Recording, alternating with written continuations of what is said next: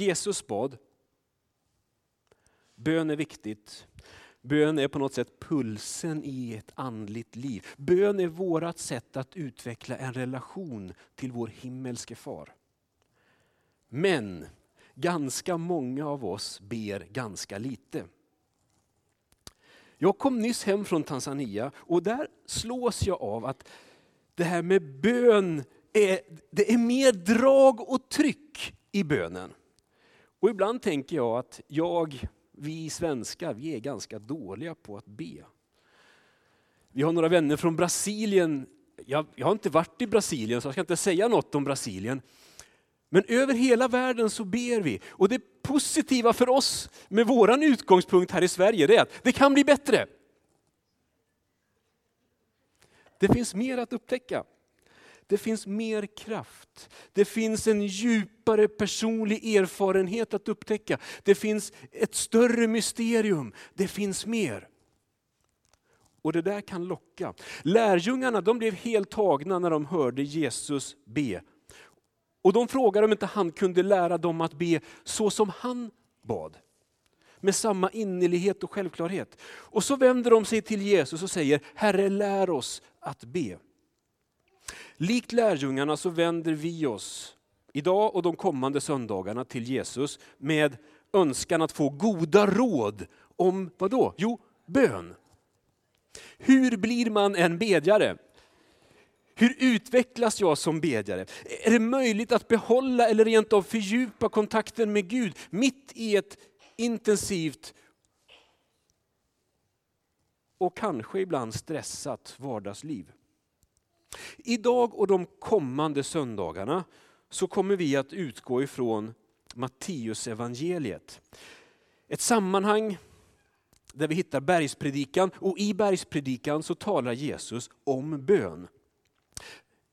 Kyrkor runt om i Sverige har bön som ett fokus här i början på året och så också vi. Och nu tänker jag, kan vi inte stå upp tillsammans och så ska jag läsa med er ifrån Matteus evangeliet kapitel 6, vers 5-13. Sträck på dig, öppna ditt hjärta, ta några djupa andetag och så lyssnar du till Guds ord till oss idag. När ni ber ska ni inte vara som hycklarna, säger Jesus. De älskar att stå och be i synagogorna och i gathörnen för att synas inför människor. Jag säger er sanningen, de har fått ut sin lön. Nej, när du ber, gå då in i din kammare, stäng dörren och be till din far som är i det fördolda. Då ska din far som ser i det fördolda belöna dig. Och när ni ber ska ni inte rabbla tomma ord som hedningarna. De tänker att de ska bli bönhörda för de många ordens skull. Var inte som dem.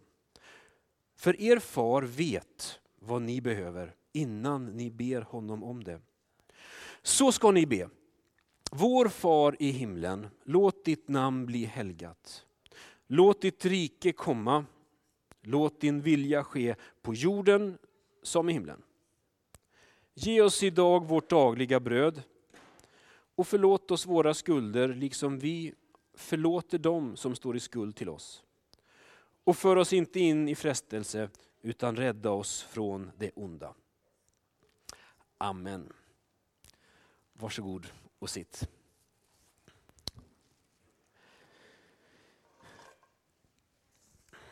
I de här verserna så ger Jesus oss två varningar och så ger han också två underbara löften. Eh, vi läser från vers 5 idag. Kapitlet inleds i vers 1 med att Jesus höjer ett varnande finger. Och han säger så här, var noga med att inte utföra era fromma gärningar i människors åsyn, för att de ska lägga märke till er. Alltså se upp med att göra fromma gärningar. Och då pratar han sen om att fasta, att ge, men också om att be. Det där är inte till för att skylta med. Och, och så när han i vers 5 börjar prata om bön så ställer han två platser mot varandra. Gathörnen och kammaren. Och så säger han, när ni ber, ja just det, där står det. När ni ber, gå då in i din när du ber, gå då in i din kammare och stäng dörren. Alltså, när du ber så är det Gud som du vänder dig till, inte människor. Våra böner är tänkta att uppmärksammas av Gud. Inte av människor. Bön är inte någon bedrift som ska liksom bedömas av andra. Nej, när du ber, gå då in i din kammare och stäng dörren. Det här ska inte tolkas som att Jesus har någonting emot att vi ber tillsammans. Det, det vore att läsa och tolka fel. Eh, Jesus själv bad ofta tillsammans och det tycks finnas en väldigt dynamisk relation mellan att be själv och att be tillsammans med andra. Det där hänger ihop. En engelsk pastor, bibellärare har sagt att good private prayer is the foundation of good corporate prayer. Alltså, det ligger något i det där. Att en den enskilda bönen, det är en bra grund eller en bra förutsättning för den gemensamma bönen. Och samtidigt så skulle man nog nästan kunna argumentera för att det motsatta också gäller. Att den gemensamma bönen kan inspirera och peppa mig att också be själv. Det, det, hänger ihop. Att be tillsammans, att be själv. Att fira gudstjänst är egentligen att fira, eller att praktisera gemensamma andaktsövningar. Men när Jesus ska vägleda oss in i bön så säger han att avskildhet är viktigt. Bön är någonting som vi behöver söka avskildhet för. Kammaren får ju stå för den där ostörda platsen. Och den uppskattade katolske prästen och författaren Henry Nowen, han har sagt att utan avskildhet så är det så gott som omöjligt att leva ett andligt liv. Vi behöver avskildhet för ett andligt liv. När ni ber ska ni inte vara som hycklarna, säger Jesus. De spelar en roll, de gör till sig för andras skull. De har fel fokus, de söker människors uppmärksamhet. Jesus vill få sina lärjungar att sänka axlarna. Du måste inte göra till dig.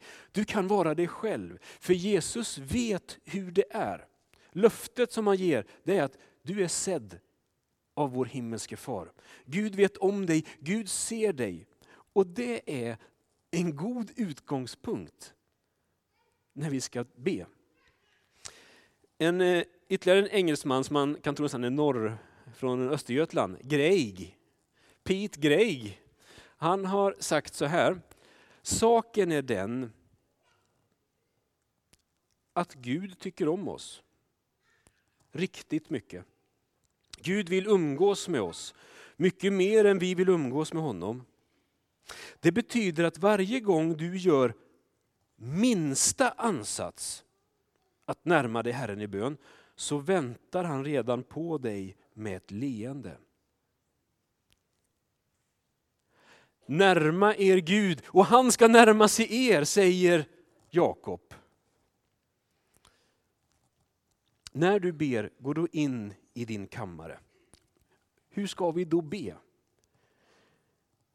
Ja, när Jesus fick den här frågan och när han försöker vägleda sina lärjungar så ger han dem några ord. Han lär dem att be, vår Fader, du som är i himlen. På grekiska så är den där bönen 31, 30, ja, 31 ord. Den tar typ 30 sekunder att läsa. Orden är viktiga. Språk har en avgörande betydelse i alla relationer. Så är det. Föreställ dig ett äktenskap utan ord. Det var någon som var väldigt svårt att göra det. Eh, föreställ dig ett ishockeylag. Vi har sett på JVM några av oss. Föreställ ett ishockeylag utan ord. Hemskt. Ännu hemskare. Föreställ dig en operationssal utan ord. Alltså ord är viktiga och avgörande i alla relationer. Och utan ord så kan inte relationen med Gud fördjupas. Relationen med andra och med Gud förutsätter ord. Och samtidigt så är Jesus väldigt noga med att bön handlar inte om att rabbla massa religiösa ord. Nej, Jesus säger, när ni ber ska ni inte rabbla tomma ord, som hedningarna. En kristen som ber har ingenting gemensamt med en papegoja som har tränats att liksom säga de rätta orden. Det är inte heller så att Gud står med en klocka i handen, ett stoppur, för att liksom klocka din bön. För att se och bedöma hur lång den är. Nej, var inte som hedningarna. De tror att de ska bli bönhörda för de många ordens skull. Gå inte på det. Gör inte som de gör. Varför då? Jo, för er far vet vad ni behöver. Gud vet om dig. Och han vet vad du behöver redan innan du har bett honom. Och då undrar man ju, varför i all världen ska jag då be? Vad är poängen med att be? Om nu Gud redan vet allt, vad ska jag då säga? Vad spelar orden för roll? Om det här finns det mycket att säga och vi kommer nog att komma tillbaks till det. För bön kommer att vara temat för predikan de kommande fyra söndagarna. Men låt mig säga något. Tänk dig en mamma som har ett barn. En mamma som vet om vad hennes flicka har råkat ut för. Och nu väntar hon på att dottern ska komma och berätta. I ett sådant läge så kan tystnaden vara oroande. Det är klart att den här mamman kommer att undra liksom, varför säger min dotter inget? Men så kommer det där ögonblicket då tjejen kommer och säger, mamma det är en sak. Och så kommer orden, de där orden som öppnar upp för en djupare relation. Det som bromsar upp relationen med Gud, det är min ovilja att samtala med Gud om det, som rör mig och mitt liv. Och tvärtom, det som öppnar upp, det är att börja sätta ord på vad jag tänker och känner. Det öppnar upp för en djupare relation med Gud. Därför är det viktigt att be, att prata med Gud. Inte för att informera honom, utan för att ge honom tillträde till det som jag bär på. Magnus Malm har uttryckt det så här välformulerat, att bön handlar inte om att informera Gud om sånt han inte vet. Det handlar om att utveckla en relation till honom. Jesus han bad. Att be det var någonting återkommande för honom, en god vana. Och vid ett tillfälle så säger han det här. Kom med Kom till en öde plats så att ni kan få vara ensamma med mig och vila er lite. Wow, vilken inbjudan!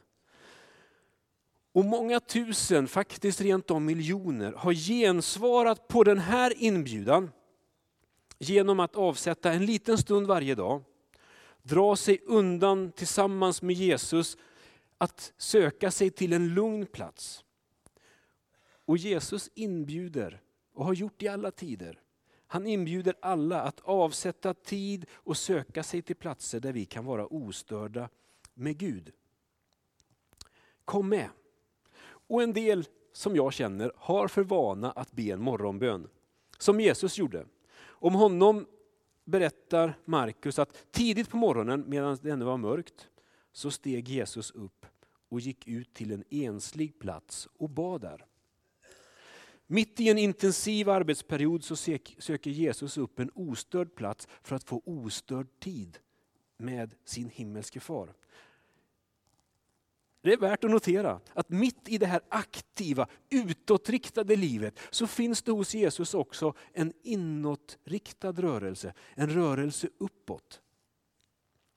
Morgonbön passar för en del. Andra tycker att det här med kvällsbön passar bättre. Det gjorde Jesus också. På kvällarna gick han ut och övernattade på det berg som kallades Olivberget. Och där bad han. När det blev kväll så drog sig Jesus undan utanför Jerusalem och fann en plats där han också kunde be. Jag vet om de som pendlar och som använder en halvtimme på tåget eller i bilen till att lyssna på lovsång, läsa några verser ur sin bibel och be. Jag vet om småbarnsföräldrar som när de var hemma med sina små barn och barnen hade förmiddagsvilan, så såg man en chans, en öppen dörr att kliva in i en kammare och ha en egen andakt.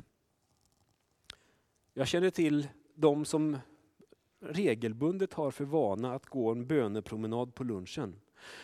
Alltså det är många som kan berätta om att de här dagliga stunderna med Jesus gör skillnad. Men vi varken kan eller ska kopiera varandras bönerytm. Det handlar om att hitta sin egen. Och erfarenheten är också att livet ändrar sig. Det som funkade i fjol kommer inte med självklarhet att fungera i år. Men oavsett vem vi är och var vi finns så gäller orden från Saltaren. Bli stilla och besinna att jag är Gud. Så idag skulle jag vilja slå ett slag. Eller ja, det lät ju ganska... Jag vill slå ett slag för den personliga andakten tänkte jag säga, men jag hör ju att det låter lite hårt. Jag skulle vilja uppmuntra, inbjuda, heja på eller slå ett slag för den personliga andakten. När vi går in i ett nytt år så är vi ju många som ser över liksom veckorytm och dagsrytm. Eh, och frågan som landar in i vår gudstjänst idag det är, hur ser ditt andaktsliv ut? När brukar du be? Var någonstans brukar du be? Hur brukar du be? När du ber, ja, Jesus säger inte om du brukar be, nej, utan när, som att det är en självklarhet. När du ber, gå du in i din kammare, stäng dörren och be till din far som är i det fördolda. Den personliga handakten som handlar om att söka upp en ostörd plats och att slappna av. Att sätta sig bekvämt och inte göra något i några sekunder. Kanske sitta där med handflatorna vända uppåt, redo att ta emot. Att slappna av, att stanna upp och bli stilla, det förbereder sinnet och hjälper oss att bli närvarande inför Gud. Att stanna upp, att ta några djupa andetag. Att andas in liv och frid från den helige Ande. Och att andas ut våra bekymmer. Den där Pete Greig, han sa också så här. Jag kan inte nog understryka hur viktigt det är för ditt andliga, psykiska och fysiska välbefinnande att du lär dig stänga av omvärldens ständiga chatter några minuter varje dag så att du kan bli stilla i djupet av din själ. En rikare erfarenhet av Gud är möjlig om vi ger oss tid att söka ensamheten med Gud i bön.